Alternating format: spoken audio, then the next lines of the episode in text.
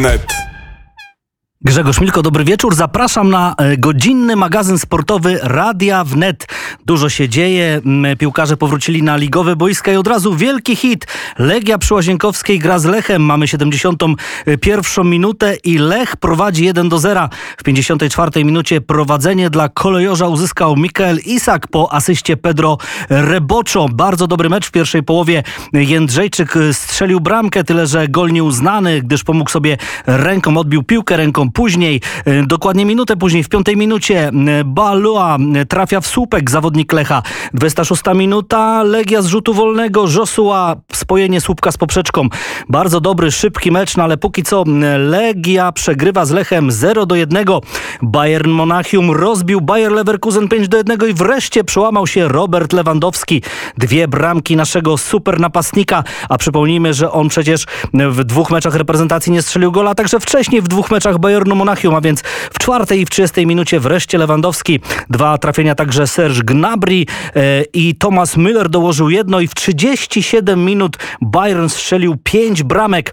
Jedna, jedyna, ta honorowa dla Bayeru Leverkusen, 55 minuta Patrick Schick. Trwa finał żużlowego mundialu, a więc Speedway of Nations w Manchesterze. Na razie bardzo dobrze jedzie polska reprezentacja, która w pierwszym dniu wczoraj wygrała, e, a teraz takie jak jakby eliminacja, teraz już jest drugi dzień, no i na pewno pojedziemy w finale. O tym na pewno będziemy także mówić e, w kolejnej części naszego magazynu, no ale też dzisiaj dwie bardzo ważne rocznice.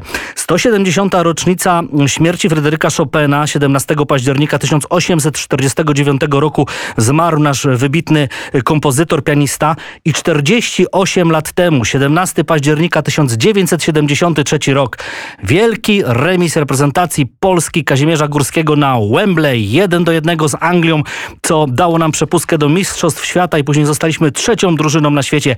No i pierwsza część audycji właśnie będzie poświęcona e, temu wyjątkowemu, tej wyjątkowej rocznicy.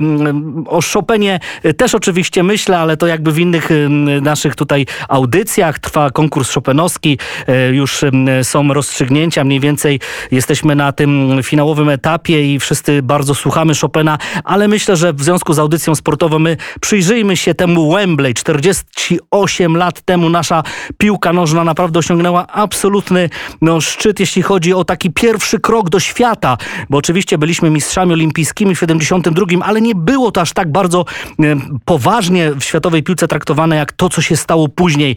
No właśnie wyrzucenie Anglików z eliminacji z Mistrzostw Świata, no i ta nasza Piękna przygoda w RFN, a wszystko zaczęło się właśnie od 17 października 1973 e, roku, kiedy zremisowaliśmy na Wembley. Porozmawiamy sobie o tym, porozmawiamy z bohaterami tamtego wydarzenia, ale na razie posłuchajmy Maryli Rodowicz, która już wtedy w 73 roku no, była coraz większą gwiazdą naszej sceny muzycznej, a więc Maryla Rodowicz i Sing Sing.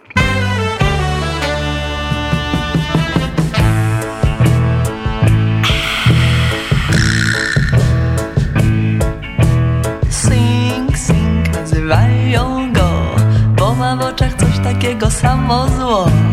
Nie hoduje zbóż, ma w kieszeni nóż A ja nie wiem po co. Sing, sing, pokochałam go. Popłynęłam jak za lordem aż na dno. Cały dzień wyspał, nocą w karty grał A ja nie wiem o co. Czy ja nie jestem lepsza niż Cała reszta pań, cały babski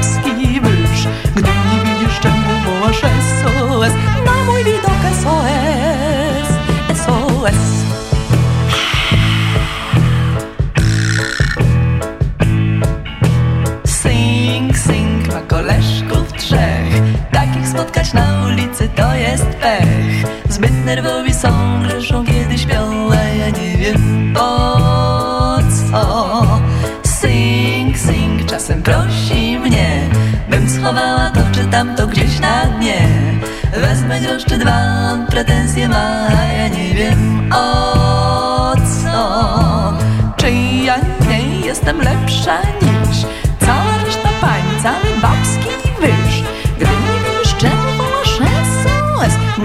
dobre są.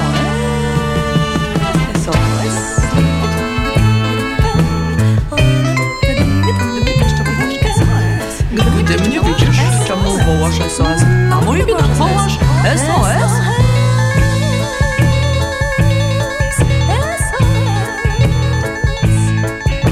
Sing, sing, nagle w oczach schudł I wyczuwam jego głosie jakiś chłód Słabo w karty gra, może kogoś ma, a ja nie wiem po co Sing, sing, skowroneczku mój Gdzie się podział nienaganny urok twój Co też ci się śni, o co chodzi ci? Powiedz, powiedz, o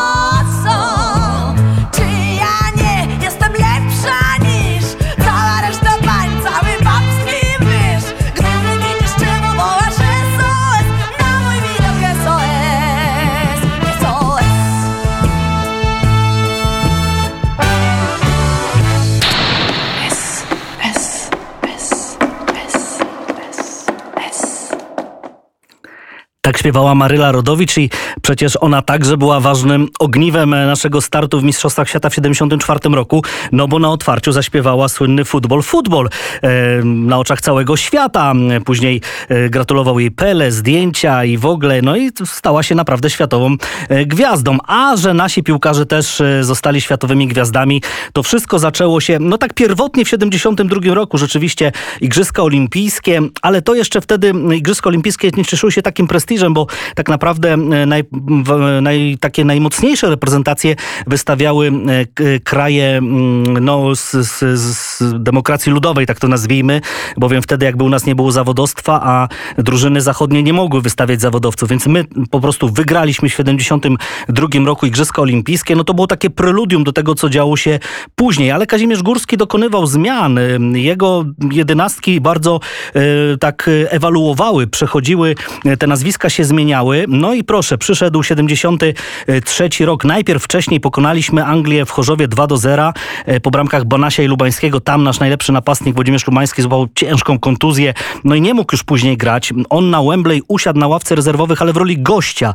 Był przebrany w dres, nawet angielscy dziennikarze pytali, czy Lubański zagra. No tam oczywiście e, nasi e, trenerzy mówili, no zobaczymy, zobaczymy, no ale oczywiście nie mógł grać, bo miał ciężką kontuzję. Wyszliśmy na Wembley w składzie. W bramce Tomaszewski, dalej w obronie Musiał, Gorgoń, Bulzacki, Szymanowski. Linia pomocy, wtedy trójką Kasperczak, Dejna, Ćmikiewicz. No i atak. Lato, Gadocha, Domarski. Anglicy prowadzeni przez serw Alfa Ramseya, który w 70, 66 roku doprowadził Anglię do Mistrzostwa Świata. E, Shilton w bramce, on miał wtedy 24 lata, nasz Jan Tomaszewski 25, a więc ta młodość. Dalej, Medley w obronie, Hughes, McFarland, Hunter. E, Linia pomocy to Bell, Curry, Shannon i trzech napastników. Chivers, Clark, Peters. Proszę sobie wyobrazić, że e, Trójka z nich e, była mistrzami świata z 66 roku. To był Hunter Bell i Martin Peters, napastnik. No a więc e, nasi piłkarze rzeczywiście no, mogli czuć się tacy mm, trochę jakby w cieniu tych Anglików. No, nas jeszcze wtedy świat tak naprawdę nie znał. Poznał nas po tym meczu. Co sobie zapamiętaliśmy? No myślę, że fantastyczny komentarz Jana Ciszewskiego. E, 73 rok, 17 października. Mecz zaczął się o godzinie 19.45. My strzeliliśmy gola w 57 minucie. Później Clark wyrównał z rzutu karnego w 63. Musiał sfaulował Martina Petersa i Alan Clark, wtedy wielka gwiazda Leeds United, pokonał Jana Tomaszewskiego. Ale ta 57 minuta. Proszę posłuchać. No, brawo, znakomita interwencja. Lato. W środku mamy dwóch zawodników, proszę Państwa, Grzegorz Lato, sam McFarland. Ucieka teraz. Gadocha, Domarski. Gol! Gol!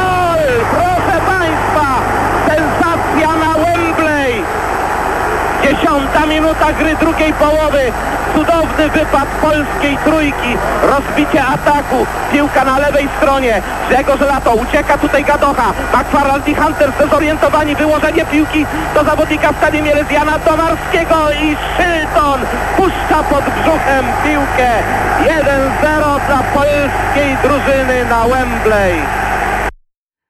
Jan Ciszewski. E, ja tego nie pamiętam na żywo, bo miałem wtedy tylko dwa latka, ale ilekroć tego słucham z odtworzenia, to ciarki na plecach są, są zawsze. Mm, to był piękny mecz. To, to na początku była taka obrona Częstochowy, bo rzeczywiście Anglicy natarli z niesamowitym animuszem. Oni musieli wygrać. Oni musieli wygrać i oni rzeczywiście, no, żeby tak wszystko się wydawało, że absolutnie są w tak topowej formie, bo wcześniej pokonali Austriaków 7 do 0, że po prostu zmiażdżą to naszą drużynę i to była taka prawdziwa nawałnica, ale przetrzymaliśmy to między innymi dzięki kapitalnej grze Jana Tomaszewskiego. Mm, posłuchajmy jednego z bohaterów, no bo mm, nie jedynego, nie głównego, ale, ale na pewno kogoś takiego, kim usłyszał wtedy absolutnie świat. Po tym meczu Jan Tomaszewski już osiągnął poziom jednego z najlepszych bramkarzy świata i bardzo długo, przez wiele sezonów można powiedzieć, że był tym jednym z najlepszych bramkarzy świata, obok pewnie e, Sepa Majera. Posłuchajmy, jak Jan Tomaszewski wspomina Wembley 73 roku. Wspominam jedną rzecz, rzecz człowieka, który zaczął Anglię, czyli pana Kazimierza Górskiego, który niczym papież polskiej piłki pokazał całemu futbolowemu światu, że Polacy nie gęsi swoich futbolistów i swój futbol mają. I to, była, to było udowodnienie, że w Polsce są utalentowani zawodnicy, tylko trzeba odpowiednio ich prowadzić, wyszukać, odpowiednio monitorować i wszystko jest do, do zrobienia i wszystko jest do zdobycia. Myśmy grali z najlepszymi drużynami świata, jak równy z równym. Oczywiście nie zawsze wygrywaliśmy, ale e, po prostu podejmowaliśmy walkę, i, i cóż, no i, i, ten, i ten futbolowy świat e, po prostu e, czuł przed nami respekt. No, w tej chwili szkoda, że nie ma pana Kazimierza, bo mamy najlepsze pokolenie w historii polskiej piłki nożnej. No ale niestety nie gramy tego, co grają ci nasi poszczególni zawodnicy z najlepszym piłkarzem świata na czele w swoich klubach. Czy pan się wtedy czuł w takim transie bramkarskim, bo bronił pan genialnie? Wie pan, nie tylko ja, ale y, wszyscy moi koledzy się czuli jak w transie. Dlaczego? Bo pan Kazimierz doprowadził do tego, że myśmy grali po raz pierwszy na stadionie praktycznie zakrytym na dachu i tam nie było możliwości porozumiewania się. I my te przygotowania do tego meczu były na, na, na zasadzie przepraszam, że tak powiem, wizualnej, a nie fonicznej, bo tam nie było słychać własnych myśli. Pan Kazimierz nas tak ustawił, że myśmy grali po prostu wszyscy jak, jak jeden za wszystkich, wszyscy za jednego. I to było e, kluczem, e, kluczem do sukcesu. Ja podczas tego meczu popełniłem wiele błędów na, na Wembley, ale moi koledzy byli tak ustawieni przez pana Kazimierza, że po prostu ratowali mnie. I oni wiedzieli, że jak ja wychodzę z bramki, to musieli wskakiwać do bramki, żeby ewentualnie czekać na, e, na te pojedynki, czy ja wygram, czy ja przegram z wysokimi e, napastnikami angielskimi. I tak było. Ja ich oczywiście też ratowałem po jakichś błędach, ale mówię, to było to było tylko i wyłącznie zasługą pana, pana Kazimierza. E, bolała pana ta ręka, kiedy na początku e, właśnie miał pan taką interwencję, gdzie, gdzie wypuścił pan piłkę i za chwilę ją pan złapał, ale niestety Anglik pana kopnął i tam pan się bardzo zwijał z bólu. Widzi pan, i to świadczy o tym takim stresie, który, który był. Jak myśmy stali przed, przed e, Lożą Królewską, bo tam żeśmy stali nie na środku boiska, tylko przed Lożą Królewską, staliśmy naprzeciwko Anglików, oni po prostu, my oczywiście, e, jak to się mówi podczas hymnu, tacy wyprężeni, no sprężeni. I, i jakby to powiedzieć, to taki, tacy trochę zakompleksieni, e, ale stali się na baczność z powagą. Anglicy naprzeciwko nas, ręce takie e, na, na, na piersi za, założone, tak gumerzuli, no i patrzyli na zasadzie, no frajerki przyjechaliście, 15 minut się z nami pobawimy i, i później, to znaczy strzelimy wam bramkę w 15 minut, a potem się z wami będziemy bawili. No i cóż, okazało się, że ten to wszystko. Ja, ja, ja nie zapomnę do końca życia, kiedy stałem na właśnie y, podczas hymnu, tak mówię, Panie Boże, żeby tu nie było 7-0, bo oni przecież dwa tygodnie wcześniej wygrali y, z, e, z Austriakami 7-0. No i jak jechaliśmy na stadion, no to było tylko, czy będzie powtórzony wynik, czy nie. Ja mówię, Boże, żeby tutaj nie było 7-0, oddaję 5 lat życia. No i, i po prostu z tego wszystkiego pan Kazimierz mówił y, do mnie, do nas wszystkich, a szczególnie do mnie, żebym ja jak najdłużej trzymał tę piłkę. Wtedy nie było tak, że można piłkę, piłkę trzeba było y, trzymać, można było w rękach, tylko trzeba było ją spuścić na, na ziemię, doprowadzić nogą do 16 metra i wybić. I proszę mi wierzyć, ja złapałem jakąś taką łatwą piłkę, która tam, tam była i spuściłem ją na ziemię. I ja nie zauważyłem z tego całego szumu, szoku, że dwumetrowy Anglik stał, e, Alan Clark stał, no ja wiem, jakieś 4 metry przede mną. Kiedy ja tę piłkę spuściłem na ziemię, on zobaczył, że co się stało, dobiegł do niej i chciał po prostu strzelić bramkę. Ja w ostatniej chwili zobaczyłem zobaczyłem e, jakąś białą plamę, rzuciłem się, zakryłem ręką piłkę, on, on ją kopnął. No i prawidłowo, no bo, bo jak frajer rzucił piłkę, to ten Janusz Garlicki, e, miałem potłuczone kosteczki łódeczkowate, ale z tego stresu e, doktor Garlicki zamroził mi rękę, no i, i cały mecz grałem, Adam musiał to potem dobrze skomentował. Mówi, dobrze cię kopnął, bo przynajmniej cię obudził. Tak, tak, tak, także, także to, było, to było tak. No i, i ja później nie grałem przez dwa tygodnie, miałem dwa tygodnie rękę w gipsie, ponieważ miałem potłuczone y, kosteczki łódeczkowate, to się tak podobno nazywa. Y, ale podczas meczu, no przy tym stresie, przy tym wszystkim, no po prostu, no wszystko się wytrzymało na koniec wielczy, wieńczy, wieńczy dzieło. Tak. Ja mam, panie Janie, jeszcze takie pytanie, bo w obronie rzeczywiście wszystko, wy się bardzo świetnie uzupełnialiście. Pan bronił kapitalnie, ale też te interwencje, Bulzacki, Szymanowski, Musiał, Gorgoń. Ale jak pan widział to z pozycji bramki, tą grę do przodu? Bo tak, Dejna zagrał genialny mecz. Kasperczak go uzupełniał. Później ten wypad trójki Stali Mielec, Lato, Domarski. Jak pan to widział z pozycji bramki? Wie pan, do, Pierwsza połowa była, ja wydaje mi się tutaj ponownie pan Kazimierz e, Górski mm, zadziałał.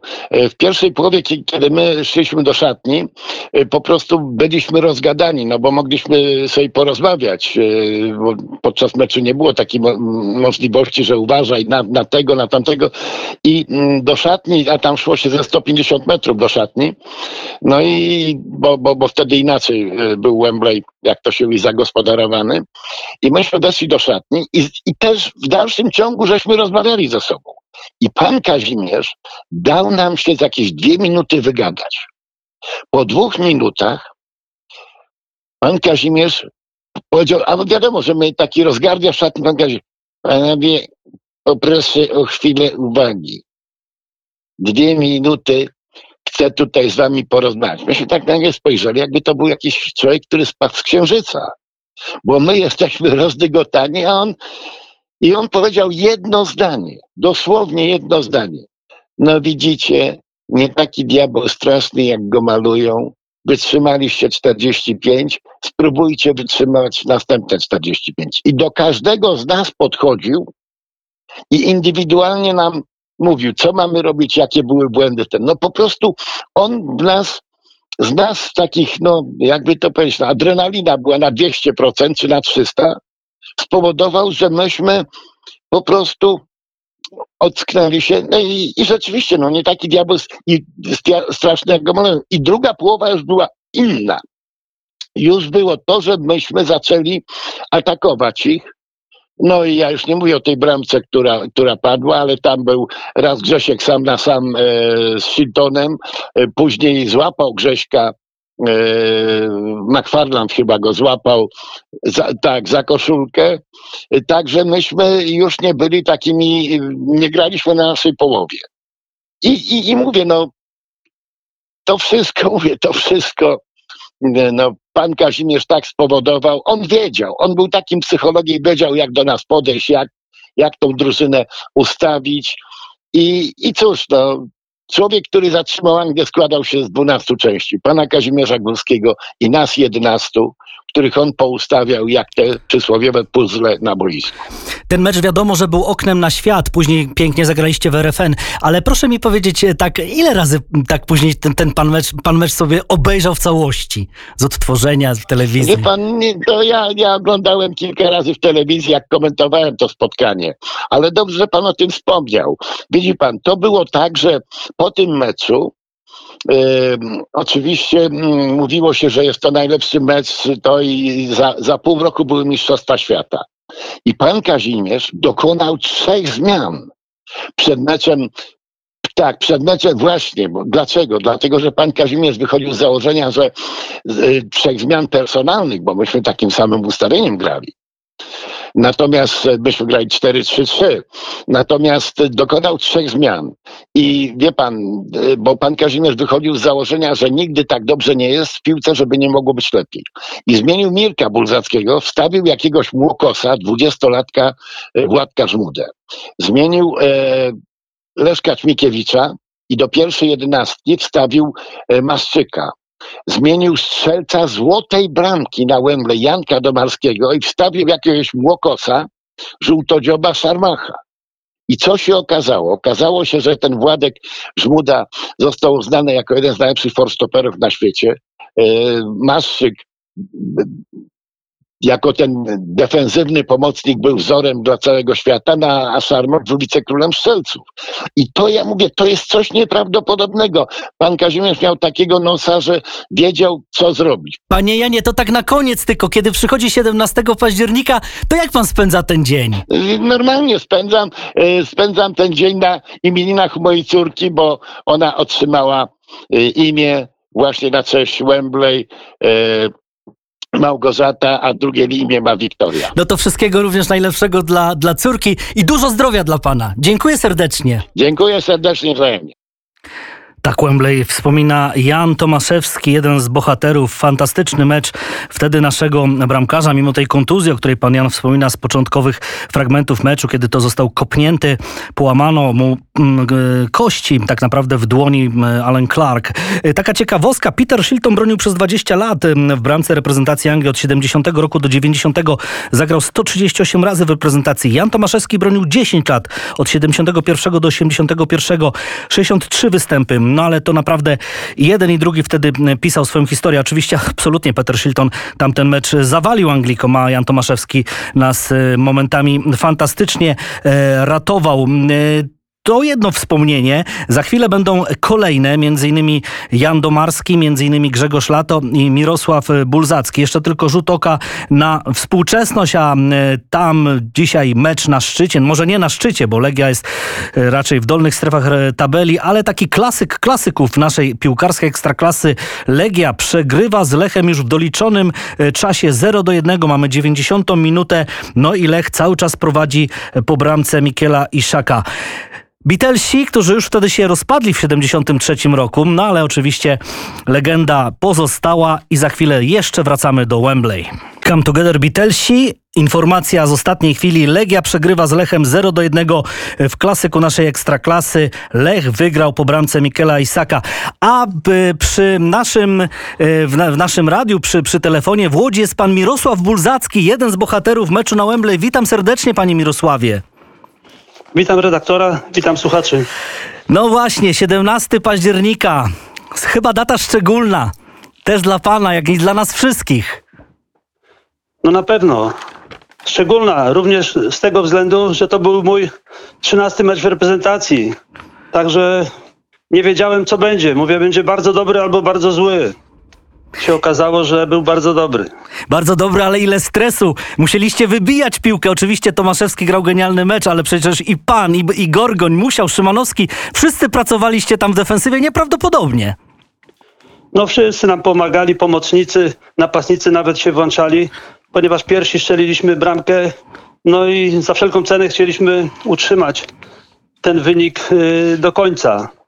No, dlatego, dlatego no, dużo się działo w polu karnym, dlatego często byłem przy piłce, wybijałem piłkę. Bardzo dobrze grała cała obrona z Jankiem Tomaszewskim na czele, który daleko dosyć wychodził, jak na tamte czasy. Nawet do szesnastki czasami mu się zdarzało wyjść i piłki wybijać. I po prostu no, cieszę się, że mieliśmy szczęście w tym meczu i udało nam się mecz zremisować, ponieważ później Anglicy strzelili bramkę z rzutu karnego i było, no już wtedy było bardzo niebezpiecznie, bo nie mogliśmy przegrać tego meczu. Podobno wy się między sobą nie słyszeliście. Tumult tych 100 tysięcy ludzi na Wembley, jeszcze ten dach, to zadaszenie, to jak oni tam dopingowali, krzyczeli, ryczeli, to prawda tak, że, że ta atmosfera była nieprawdopodobna. No na, na pewno. Na, na samym początku już jak wychodziliśmy, to już krzyczeli na nas animals. Wiedzieliśmy to słowo, co znaczy, dlatego powiedzieliśmy, czekajcie, my wam damy.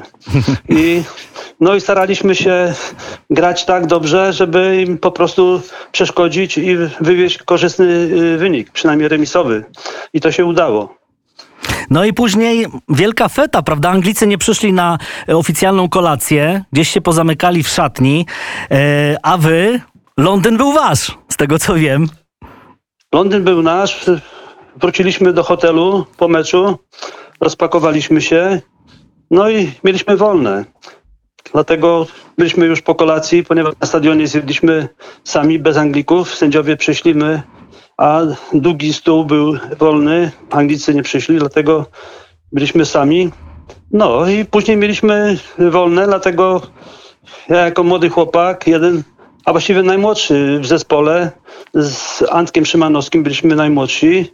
Po 22 lata mieliśmy wtedy i no, chcieliśmy zobaczyć Londyn. To, to, to pierwszy raz byłem i dlatego pojechaliśmy do centrum i zobaczyć te ciekawe dzielnice, szczególnie Soho. Co za, co za wizyta i to podobno Polonia y, angielska was porwała, prawda? Polonia nas porwała, brali nas do samochodów i nas wywozili. No także było fajnie, ciekawie i bardzo miło. Ponieważ jak się wygrywa, a to zwycięski remis był, Także zawsze jest fajnie. No, przeszliście do historii. E, nawet właśnie tak z ciekawości pytałem pana Domarskiego, czy ma jeszcze do dzisiaj tą koszulkę. A on powiedział, że to był tak słabej jakości sprzęt, bo jeszcze to nie był Adidas. Adidasa dostaliście dopiero w RFN, e, że się mu sprał po prostu. Mówi, że orzełek płakał z każdym praniem. Czy pana koszulka przetrwała do dziś?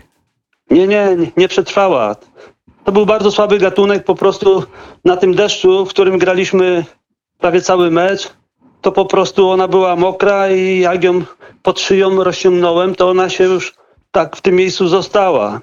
Dlatego, dlatego to nie był dobry gatunek i no chociaż pamiątka by była teraz, ale nie mam tej koszulki, także no Szkoda, bo teraz to może by była warta coś. Oj, bardzo dużo by była warta. Myślę, że w Muzeum Polskiego Sportu, no, no może, może komuś została, muszę, muszę jeszcze popytać. Nie wiem, czy może pan coś wie, może, e, może Ćminkiewicz, Lato, e, Gadocha, nie wiem, ale jakieś pamiątki z tego, z tego Wembley, z tego Londynu?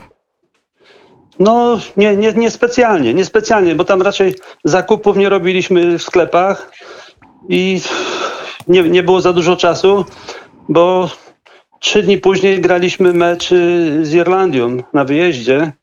Także no właśnie, to panie Mirosławie, ja też od razu chcę spytać, bo podobno Irlandczycy was nieprawdopodobnie przyjęli. No wiadomo, że oni z Anglikami zawsze e, nie było im po drodze i oni byli przeszczęśliwi, że, że, że Polska wywaliła Anglię z, z, z Mistrzostw Świata. Przyjęli was po królesku rzekomo. No fajnie, Fa, fajnie nas przyjęli. No, to był mecz towarzyski, także wynik nie był najważniejszy, ale trener Górski każdy mecz wykorzystywał, żeby próbować ciągle kogoś nowego, rezerwowych zawodników w razie kontuzji. No, na Wembley akurat graliśmy w jednym składzie cały mecz. Nikt nie miał na szczęście kontuzji. Bez żadnej I, zmiany, tak, to ciekawe. Mhm. I, I, się udało. A w sparingach ten Górski szedł cały czas do przodu i po prostu próbował nowych zawodników, bo on już miał wizję zespołu przyszłości, za rok. I dlatego budował zespół na Mistrzostwa Świata w Niemczech. No właśnie, panie Mirosławie, bo ja chcę spytać, no bo tak mm, trochę, tak, tak jak pan Jan Tomaszewski nam mówił em, przed chwilą, to też na naszej antenie, no trzy kluczowe zmiany. Pana zastąpił na Mistrzostwach Świata Władysław Żmuda, Ćmikiewicza Tak. zastąpił Maszczyk, a Domarskiego zastąpił Szarmach. No nie było panu żal? No pan przecież zdrowie zostawił na tym Wembley, a później już ławka rezerwowych tak naprawdę i Żmuda wszedł. No, no na pewno, na pewno. Przykro było, bo nie czułem się gorzej niż Władek Żmuda, ale trener się zdecydował na, na, na Władka, który był o 3 lata ode mnie młodszy i jako młody chłopak grał już w Mistrzostwach Świata. No i dobrze grał. Dlatego trener Górski się raczej nie mylił. Jak na kogoś postawił, to zawodnicy go nie zawiedli i dlatego grali. Ale jeszcze pan Ale- później zagrał taki piękny mecz z Holandią na Stadionie Śląskim, prawda? Cały mecz pan zagrał wtedy pod nieobecność Gorgonia. 4 do 1 wygraliśmy ten słynny takie orzełki, mieliście czerwone akurat na... e, Tak akurat wypadło.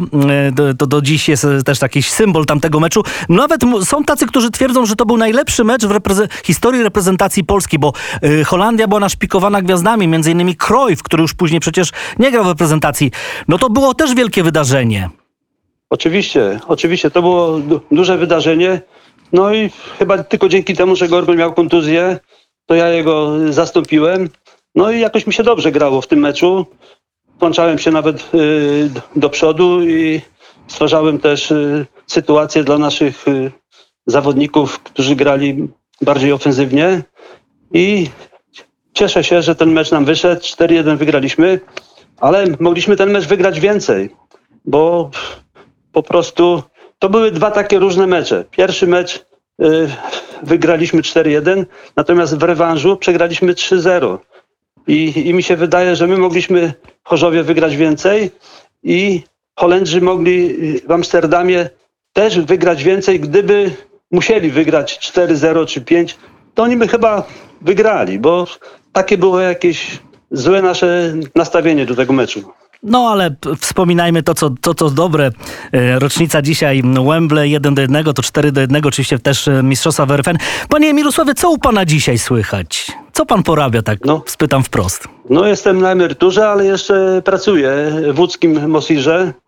Jestem na pół etatu, jestem oddelegowany na Orliku, pracuję na stawach Jana. Także na powietrzu cały czas przebywam prawie, To dobrze, to, no i się dobrze. dotleniam. To dobrze, że zdrowie dopisuje. I często musi, znaczy musi, często pana młodzi też pytają o to Wembley słynne, legendarne. No na pewno. Tutaj na tym na naszym Orliku y, nie tak dawno jeszcze były treningi Akademii Młodych Orów, czyli najlepsi chłopcy z Łodzi i z całego okręgu tutaj trenowali w pięciu grupach wiekowych i po prostu no niektórzy mnie poznawali, rozpoznawali dzięki im rodzicom oczywiście. Dlatego no miło jest jak ktoś pozna, czy ktoś, któryś z rodziców i, i jeszcze, jeszcze jestem jakiś rozpoznawalny. No na pewno. Stworzyliście legendę. Pan oczywiście w z drużyną Kazimierza Górskiego. Panie Mirosławie, dziękuję serdecznie za te wspomnienia e, z Wembley z 73 roku i wszystkiego dobrego. Dużo, dużo zdrowia. Dziękuję bardzo. Dziękuję, do usłyszenia. Naszym gościem był Mirosław Bulzacki, jeden z bohaterów Wembley.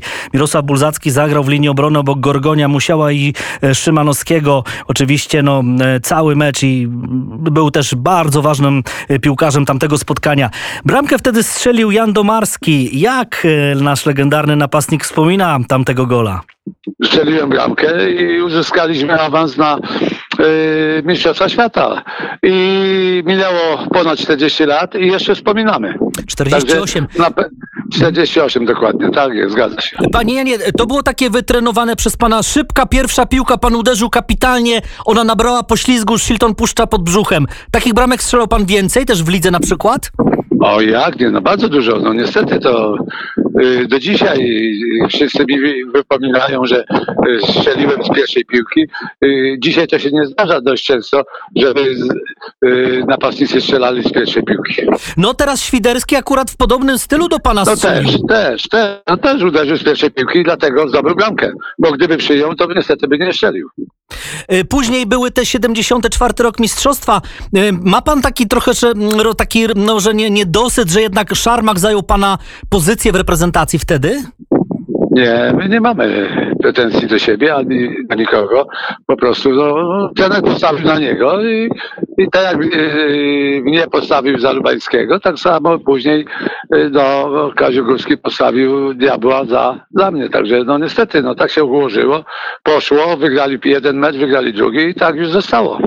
To Wembley otworzyło nam okno na świat w tamtych czasach? No, no niestety tak. No, zdobyliśmy trzecie miejsce.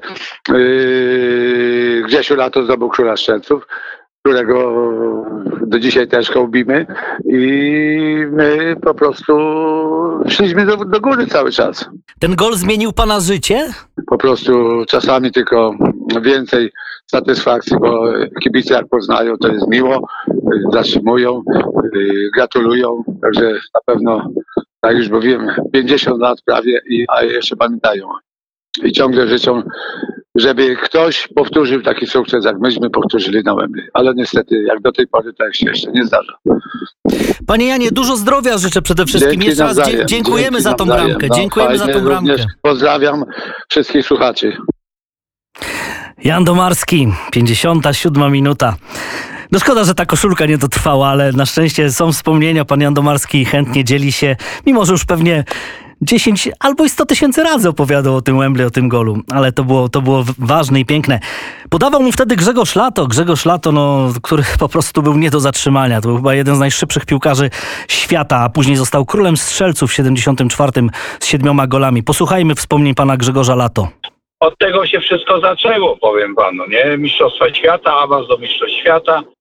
Anglicy wielki faworyt i w tym meczu i też faworyt do jednego z czołowych miejsc na 74 roku zostali w domu. No. Jak wy się czuliście wtedy na tym, na tym Wembley w trakcie gry, bo to było wszystko jak w transie. Jan Tomaszewski w transie, ta obrona, wy też z przodu. no Jasiu był w transie, bo go nie kopnęli y, w rękę, nie? Bo sobie tam wypuścił piłkę, no.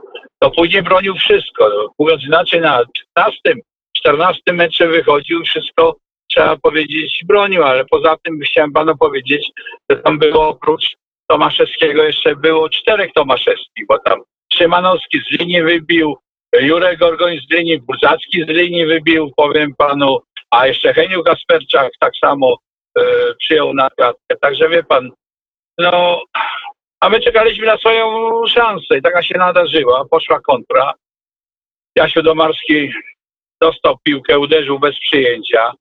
Chilton przyspał, a że było po deszczu mokro i ślisko, no to yy, dostała tego przyspieszenia ta, ta piłka i, i w związku z powyższym mu pod pachówkę spadła. Panie Grzegorzu, skąd, skąd taki wybór? Miał pan z lewej ręki, lewej ręce Gadochę, z prawej Domarskiego. Wybrał pan Domarskiego. Ale panu powiem, Gadocha nie miał żadnych szans.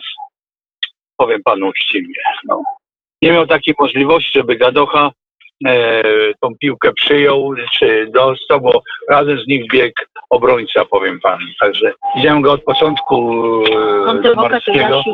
Powiem panu, to tak się mówi, to jak się pytają mnie czy Jasia, jak to on bramkę strzelił, to on zawsze odpowiada, że kątem oka widział dolny wolny róg. No. A, a normalnie to przyszła, naszła i, i weszła. No. weszła. Panie Grzegorzu, a tak później w perspektywie lat, ile razy pan ten mecz widział? no to jakiś czas go puszczają, bo te urywki, powiem panu. Zresztą ja mam go nagranego całego u siebie, wie pan, na, na płycie, także jak coś, to ja sobie oglądam to, wie pan, ten, ten nieraz, y, trzeba powiedzieć, ten, y, no, ten mecz. Ten mecz. I to było takie okno na świat. Po tym meczu się wszystko zaczęło, tak jak pan No nie, powiedział. no tego, wie pan, od tego się zaczęło. Zaczęło się trochę wcześniej, bo wygrana na Stadionie Śląskim, jak to Anglicy nazywają, czy Holendrzy na e, Stadionie Czarownic, wygraliśmy z Anglią 2-0, powiem panu. No. no i to była podstawa, bo pierwszy mecz, pamiętam, w Walii żeśmy przegrali 2-0, a później żeśmy wygrali z Anglikami, z Walią żeśmy wygrali też, powiem panu, trójkę z Anglikami 2-0, no i było, powiem panu, później ten mecz Anglicy zremisowali na Walii chyba 1-1 i ten mecz oni musieli wygrać z racji tego, że e, no niestety remis dawał nam awans do Mistrzostw Świata. Ale co by nie mówić, naprawdę z wielkim sentymentem wraca się do tego, do tego Wembley. Pan pewnie też, prawda? No powiem panu, no na pewno, no bo dzisiaj mamy najlepszego piłkarza e, świata, Lewandowskiego, któremu zresztą kibicuję, powiem panu. No ale reprezentacja ma takie wyniki, jakie ma wyniki, powiem panu. No, od lat jak nawet jedziemy na Mistrzostwa Świata, no to wie pan, pierwszy, jak to się po piłkarskiemu mówi, w łeb, drugi w łeb, a trzeci o honor, no. Wie pan, także coś, coś, coś nie jest tak, mimo że y, obecnie nasi zawodnicy grają w najlepszych klubach. Ale w tej Tiranie było nieźle, przyzna pan. E, Powiem panu, no pierwsza połowa to też tak trochę, powiem panu, cierpła nam skóra. Tam nie grało ich, ich dwóch najlepszych piłkarzy. I bardzo dobrze, że wygrali. Była piękna wrzutka. Ten tak nachodził bez przyjęcia, powiem panu. Trafił ją idealnie. 1-0. W zasadzie, to wie pan, tam sędzia dopuścił po tym incydencie, gdzie butelkami rzucano, to wie pan, to sędzia mógł ten mecz w ogóle przerwać i skończyłoby się walkowerem, wie pan. No. Ale y, myślę, że poszli po po- do głowy po to, żeby nie było zamieszek, wie pan, po meczu, to sędzia dokończył. A kary i tak będą, bo wie pan, e, komisja dyscyplinarna FIFA nie odpuści tego, wie pan. To nie jest taka prosta sprawa. To prawda. No i tak na koniec, kiedy przychodzi 17 października, jakoś specjalnie pan tak jakoś wraca do, do, do tych wydarzeń, do... Powiem pan, no nie da rady, nie da rady tego zapomnieć, bo zawsze jak to przychodzi ten październik, to zawsze przypominają ten mecz Polska-Anglia, powiem panu, no. To wie pan, no jak pan wie, że to 48 lat minęło, to te pan może sobie dawać ile my mamy lat, nie? Grzegorz Lato, tak wspominał Wembley, ale też tak automatycznie przeszliśmy z przeszłości do teraźniejszości. Oby ta drużyna e, Paulo Sousy powtórzyła e, to, co zrobiła drużyna Kazimierza Górskiego poprzez baraże. Możemy awansować do Mistrzostw Świata w Katarze i niech zostańmy wtedy trzecią drużyną świata, jak wtedy w 74. To tyle o dziś o Wembley, to, to wspomnienie 17 października 73 dla tych starszych kibiców z państwa i dla młodszych i dla tych, którzy dopiero gdzieś tam poznają historię naszej piłki. To była wielka drużyna, to był wielki naprawdę sukces, zwycięski remis. Polska, Anglia, Anglia, Polska, Wembley, 73 i 17 października. Tyle wspomnień. Za chwilę teraźniejszość, e, mecz e, Legia Lech. Przypomnijmy, że Lech wygrał 1 do 0 i jeszcze na koniec Speedway of Nations. A na razie posłuchajmy Elvisa Presleya. W klasyku naszej ekstraklasy Legia Warszawa przegrywa z Lechem Poznań 0 do 1. 54 minuta. Bramkę zdobywa Mikael Iszak. A ze stadionu ten mecz oglądał m, redaktor Dariusz Kurowski, korespondent World Soccera, a także trafne EU. E, witajcie, witam Darku serdecznie. Dobry wieczór. Jaki to był mecz? No myślę, że grzechem byłoby narzekać. No ja generalnie na tak zwane szlagiery, e, do tak zwanych szlagierów podchodzę z dużą rezerwą, nie tylko w Polsce, ale generalnie na, na wielkich turniejach, no ale na ten naprawdę no, nie można narzekać. Emocji było mnóstwo E, i, i no fajny mecz po prostu. E, Tyle, tyle można powiedzieć. Lech był rzeczywiście o tą jedną bramkę lepszy? E, No wydaje mi się, że tak. No, zresztą w piłce nożnej, o czym chyba niektórzy zapominają, najważniejsza jest skuteczność. E, po przerwie Legia wyszła taka no, mocno naładowana e, i, i gdyby Emreli strzelił bramkę, a miał idealną sytuację, no to nie wiem jak ten mecz by się dalej potoczył, no ale pięć minut później podanie idealne z rzutu wolnego. No widać było, że to jest wyćwiczone. Isak stał na samym końcu za piłkarzami Legii w polu karnym, podbiegł, strzelił bramka, no jeszcze w doliczonym czasie gry karny dla Lecha, broni e, bramkarz Tobias, tak naprawdę trzeci bramkarz chyba Legii, e, jakbyśmy takich policzyli, E, czyli od, od początku do końca mnóstwo emocji i po meczu, po meczu niestety, niestety jeszcze więcej, bo nerwy puściły, doszło tam do szarpaninki na boisku między piłkarzami, dokładnie nie wiem o co poszło, e, chyba Bednarek z kimś się tam z Lopezem spiął, E, czyli no e, emocje i na trybunach, e, pod każdym względem. No te mecze rzeczywiście wywołują zawsze duże emocje Legia Lech. No i co? Legia w kryzysie wciąż jednak, no w naszej ekstraklasie, a Lech absolutny lider. Tak to wygląda. Ja powiem tak, że Lech, Lech mnie nie, nie zawiódł, to znaczy no zagrał tak, jak, jak, jak, jak oczekiwałem, że, że może zagrać, no bo to nigdy nie wiadomo, to różnie może dyspozycja dnia decydować. No natomiast Lech pokazał, że rzeczywiście te, te, ta zdobycz punktowa, sposób e, jego gry, e, wysokie zwycięstwa, nawet po 5-0 w poprzednich meczach, to, to nie był kwestia przypadku czy słabości, słabości rywala. E, Lech po prostu no, dobrze, dobrze sobie radzi w tym sezonie. Jest to mocna, mocna kadrowo drużyna. Zresztą jak tak przyjrzałem e, ławki rezerwowych obu, obu drużyn, tak gdyby z nich zrobić e, jeszcze, jeszcze jedną, jakiś jeden zespół, no to myślę, że no, mieliby szansę w pierwszej piątce co najmniej ekstraklasy zaistnieć, a może nawet w pierwszej trójce, bo to naprawdę to są dwa najmocniejsze kadrowo w tej chwili zespoły. A nie zapominajmy, mówimy o Legii i Lechu, że za plecami Lechia, Raków Częstochowa, no, w tym sezonie no, walka o mistrza no, wyjątkowo ekscytująca może być do, do ostatnich kolejek. Dodajmy jeszcze tylko, że Lech wygrał z Legią w Warszawie po raz pierwszy od 2015 roku. E, Darku, bardzo serdecznie dziękuję. Dariusz Kurowski, korespondent World Soccera był naszym gościem. Wszystkiego dobrego, dziękuję serdecznie. Ja również dziękuję, pozdrawiam.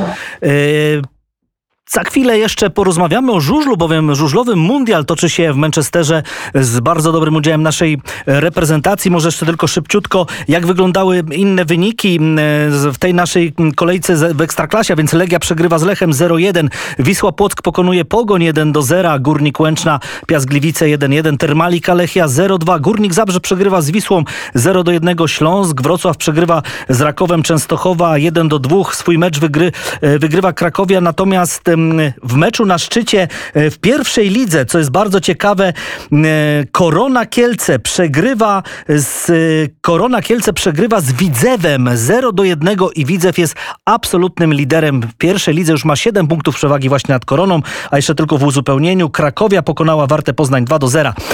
Posłuchajmy Krzysztofa Cugowskiego i za chwilę Speedway. Krzysztof Cugowski, Panaceum, w solowe wydanie Krzysztofa Cugowskiego. A my mamy połączenie z Piotrem Olkowiczem, dziennikarzem Eleven Sports, fachowcem, komentatorem żużla. Witamy Piotr serdecznie. Dobry wieczór, dobry wieczór. No jakie doniesienia z Manchesteru? Okazuje się, że wcale nie zostaliśmy mistrzami świata. No, takie doniesienia z Ursynowa, z Ursynowa bardziej, no ale okazało się, że w Manchesterze, no cóż można powiedzieć, klątwa, klątwa. Kiedyś wymyślono, kiedy były drużynowe puchary świata i myśmy to seryjnie wygrywali w ostatnich nastu latach. Siedem, siedem razy chyba generał trener Marek Cieślak zdobył złoty medal.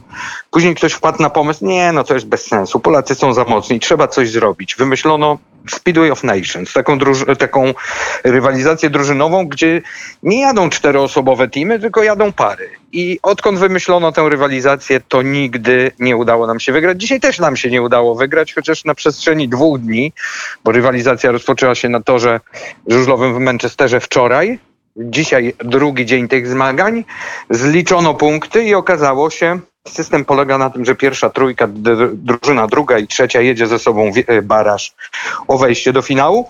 No a tą drużyną najlepszą na przestrzeni dwóch dni turniejowych była oczywiście nasza reprezentacja i my mieliśmy miejsce to zagwarantowane e, w wielkim finale e, od razu. Dożynki o awans wygrali Anglicy z Danią w stosunku 6 do 3. To jest taki nietypowy dosyć wynik jak na żużel, bo pamiętajmy, że w tym systemie Speedway of Nations przyznaje się punkty nie tak jak w klasycznym żużlu 3-2-1-0, tylko 5, e, tylko 4-3-2-0 dla e, ostatniego. No i, no i co się okazało? Wszystko szło bardzo dobrze, ale, pierwszy, ale już na drugim łuku pierwszego okrążenia po doskonale rozegranym starcie przez Bartosza Zmarzlika, który zamknął Anglików w krawężniku, przytrzymał, po zewnętrznej rozpędzał się nasz drugi reprezentant Maciej Janowski.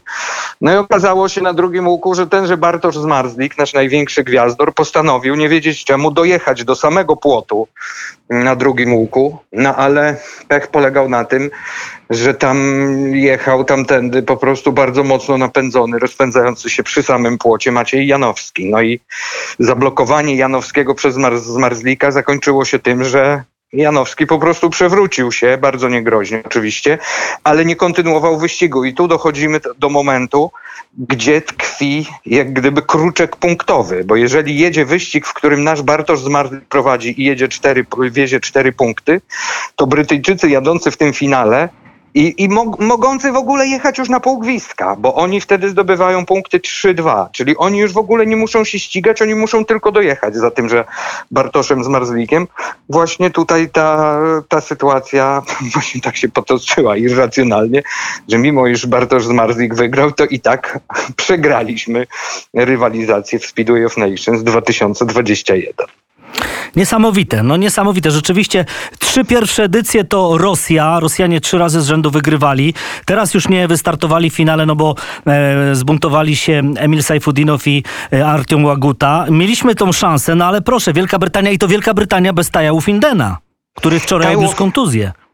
Tak jest. Wolfinden bardzo mocno, bardzo mocno się poobijał wczoraj. No ale tutaj paradoksalna sytuacja, że Brytyjczycy, tak naprawdę jak ktoś powiedział, czy obserwował na żywo dzisiejsze te zawody, to mieli paradoksalnie rezerwowego, który był na miejscu w Anglii. Nie musiał się przedzierać znikąd, nie musiał wjeżdżać przy skomplikowanych przepisach covidowych. I pamiętajmy, że Wielka Brytania poza Unią, tam gdzieś czekał u siebie w domu Dan Bewley, taki młody, e, rewelacyjny Brytyjczyk. I kiedy tylko okazało się po wczorajszym pierwszym dniu, że Ty Wolfinden jednak jest na tyle poobijany z żebrami i w ogóle tak obolały, że on dzisiaj jeździł nie będzie, wykonano szybko telefon do Dana, żeby się pakował i żeby przyjechał. I nie wiadomo, czy Dan, no może nie pojechał lepiej niż Wolfinden wczoraj, no ale, ale dzisiaj Piotr, dołoży, mm. dołożył rękę i ważną cegiełkę do tego mistrzowskiego tytułu. No nic, musimy, musimy kończyć, natomiast no, no cóż, mamy srebrne medale. Wielka Brytania e, złoto, trzecie miejsce Dania, tak? Z tego co widzę. Tak. Trzecie tak, miejsce tak. Dania. No, Rafał Dobrucki zaczyna pracę z reprezentacją. No może niech to będzie taki, powiedzmy, pierwsze koty za płoty i później już tylko będzie lepiej. Piotr, dziękujemy serdecznie. Piotr Olkowicz, dziennikarz Eleven Sports, był naszym gościem. Serdecznie dziękujemy. Wszystkiego dobrego. Dzięki, pozdrawiam, dobrej nocy. A więc już wiemy, że Wielka Brytania wygrała żużlowy mundial, my na drugim miejscu.